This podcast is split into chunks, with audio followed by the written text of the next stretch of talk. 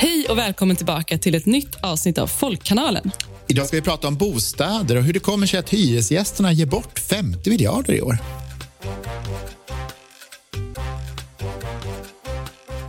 Vi är Folkkanalen. Vi struntar i det politiska spelet. I podden fördjupar vi oss i de riktiga problemen och ger lösningarna för vanligt folk. Jag heter Lina Stenberg. Och jag heter Peter Gustafsson. Och Det här är en podd som handlar om de riktiga frågorna. De som spelar roll på riktigt för vanligt folk. Det är jag som är Lina. Och det är jag som är Peter. Och idag ska vi alltså prata om den glömda bostadspolitiken som är nyckeln till att lösa så många samhällsproblem. Eh, och Du har ju tittat närmare på det här, Peter.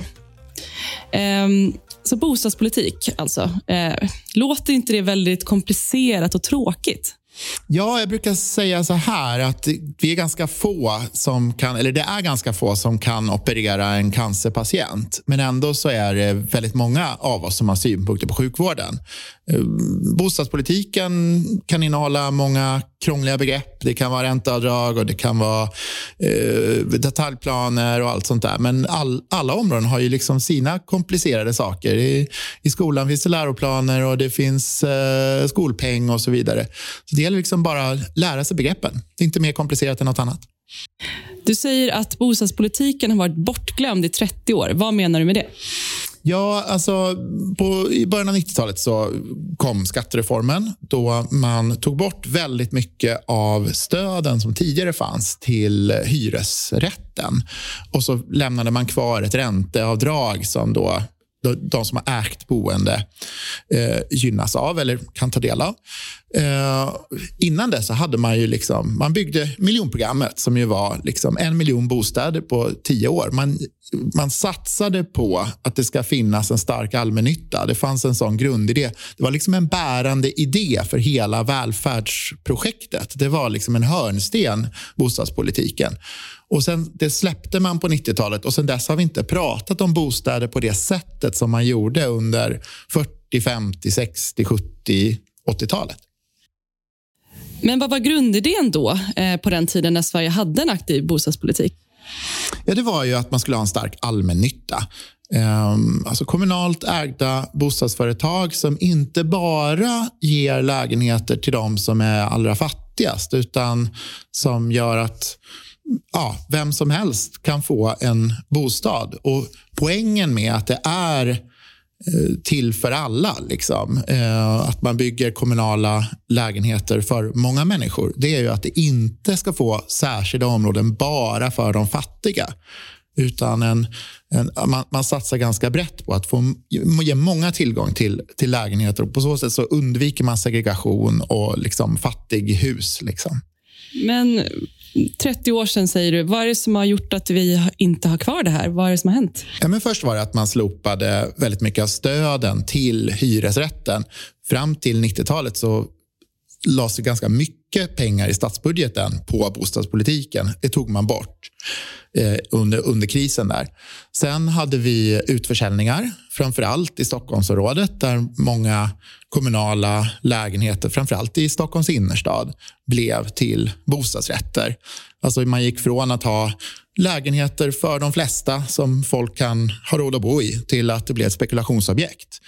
Sen slopade man fastighetsskatten eh, 2007. Och, och, Många av de här sakerna tillsammans och liksom bristen på bostadsbyggande, man har byggt för lite under väldigt lång tid. Det har liksom tillsammans eh, drivit att vi har stor bostadsbrist. Vi har eh, skenande priser på villor och bostadsrätter, skenande belåning för hushållen och att det är svårare och svårare att få tag på en lägenhet. Man brukar ju skilja Sveriges modell med en stark allmännytta från den social housing som man har i andra länder. Men vad är det här med social housing och vad är skillnaden?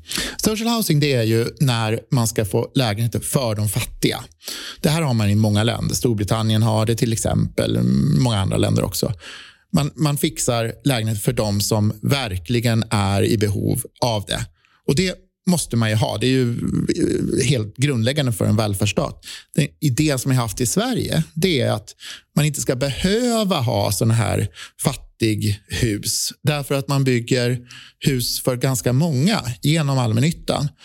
Men nu har vi liksom gått över mer och mer i Sverige till att ha sociala kontrakt där kommunerna, för att man ska överhuvudtaget fixa tak över huvudet för folk, så skaffar kommunen sociala kontrakt. Och Det, det är egentligen en liksom väg in i någon sorts social housing också i Sverige som liksom sker lite mer smygande. Och när forskare pratar om det här, vad, vad, är det man då menar? På vilket sätt är vi på väg in i det här? Ja, men genom att vi liksom steg för steg har vi, vi, vi, har haft en modell som vi har trott på. En generell bostadspolitik, eh, allmän, en stark allmännytta. Och, och sen är vi liksom på väg in i någon annan modell. Vi har aldrig riktigt uttalat vad den här nya modellen är. Men eftersom vi inte har någon aktiv bostadspolitik, eh, eftersom de få insatser som har gjorts, det har funnits ett investeringsbidrag under ett antal år och sen har det slopats nu av den här regeringen. Eh, vi är, vi är liksom på väg in i något annat, men det är liksom inte uttalat, utan det sker smygande. Eh, du säger ju att hyresgästerna ger bort 50 miljarder kronor i år. Var får du den summan ifrån?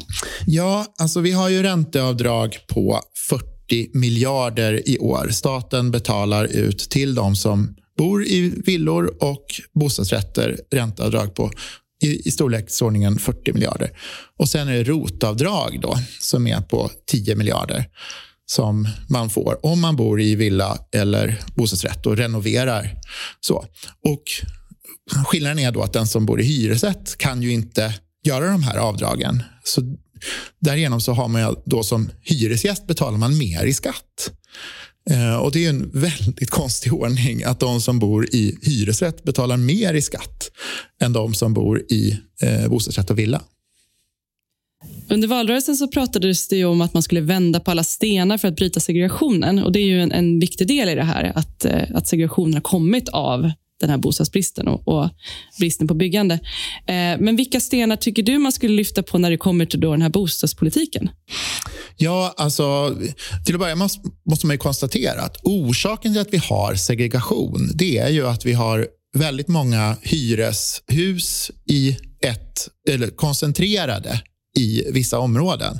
Väldigt mycket hyreshus på vissa ställen, väldigt mycket bostadsrätter på andra ställen. Och Det har ju verkligen också blivit så, inte minst på grund av ombildningar där man har gått ifrån att ha mycket hyresrätter på, i många områden till att få mer och mer bostadsrätter.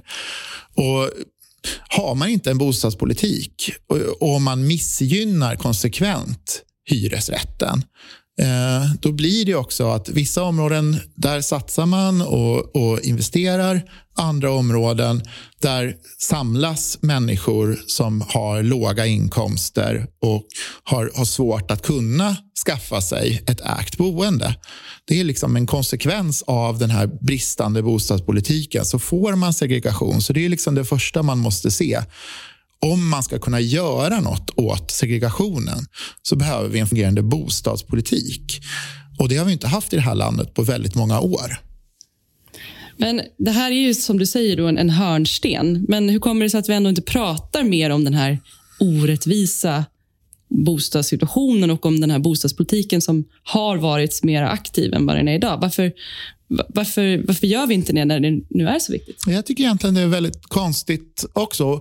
Och just den här idén, föreställningen som finns, som vi pratade om nyss, om att det här ska vara så komplicerat och krångligt. Alltså, eh, bostaden är ju helt avgörande. Alla behöver ett tak över huvudet. Och vi har haft en bild nu i kanske 30 års tid av att det här är något som man ska skaffa sig själv på en marknad. Och så är det naturligtvis. Så, funger, så har det alltid fungerat. Man, man, man, skaffar, man, köper en, liksom, man köper en lägenhet och man hyr en lägenhet själv. Liksom. Men det offentliga har brukat ta mycket större ansvar. Det har funnits liksom bostadsförmedlingar, det har funnits allmännytta, det har funnits olika former av, av stöd som funnits på plats för att se till att den här marknaden funkar för alla. Eh, att alla ska ha rätt till en god bostad till en rimlig kostnad. Men när vi liksom har släppt de idéerna och börjat tänka att det här löser sig, det här fixar marknaden, då har nog också det gått in och både i medborgare och i politiker att jo men så är det ju. Det här är ju en, det här är en marknadens fråga. Det här ska ju marknaden lösa. Men, och, då, och då hamnar man här, där vi är. Att det liksom är en, en tilltagande segregation där vissa områden utvecklas väldigt positivt. Andra områden tillåter man att förfalla. Jag tänker marknaden, men också kanske individens ansvar. Att, att själv se till att man skaffar sig en bostad. Att det inte är någon annan som ska fixa det åt en. Så att säga. Men, men vad, vad tänker du? Alltså, vem bär ansvaret här? Va, ja, vem borde göra mer? Ja, det, det är ju ett politiskt ansvar. Eh, politiken måste se till att det byggs hyresrätter Ehm, men också kanske att det byggs bostadsrätter och villor i områden där man har mycket hyresrätt. Så det måste man också tänka, att man skapar varierade områden och gärna på kvartersnivå där alltså människor med olika inkomster och olika bakgrunder möts så liksom nära i närmiljön som möjligt. Det är ju liksom, det är en, det är en hörnsten. Ehm, sen så krävs det ett eh, alltså det investeringsstöd som fanns under den förra regeringen. Det är ju liksom någon sorts minimum.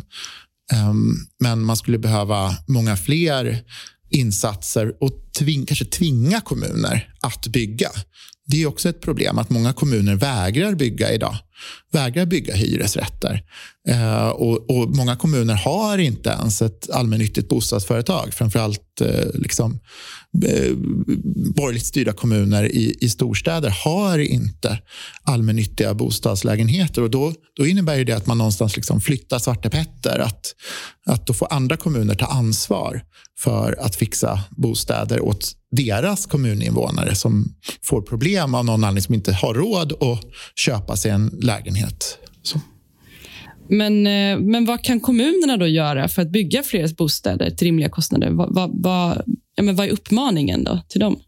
Ja, de måste ju ta ansvar. Kommuner har ju alla möjligheter att göra det. Kommuner har planmonopol, Eh, kan bestämma var det ska byggas och hur det ska byggas. Sätta stora krav på dem som man ger möjlighet att bygga i deras kommun. Och kommuner kan också använda det man själv äger, alltså allmännyttiga bostadsföretagen, för att bygga. Så att använd, använd de verktygen som, som finns. Staten måste skapa förutsättningar, kommuner måste bygga. Läget är kritiskt och eh, som sagt 50 miljarder kronor ges då varje år eh, från hyresgäster i år så är det 50 eh, miljarder. Det är olika.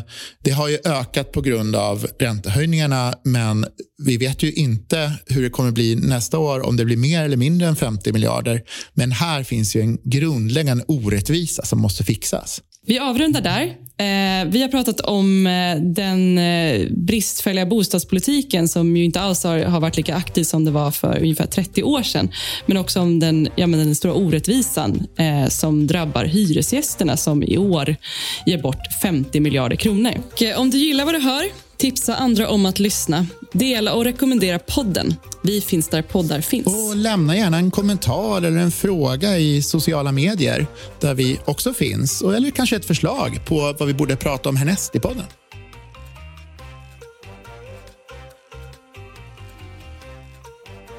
Du har lyssnat på Folkkanalen, en podd för vanligt folk. Folkkanalen görs av Lina Stenberg och Peter Gustavsson. Och vi finns där poddar finns.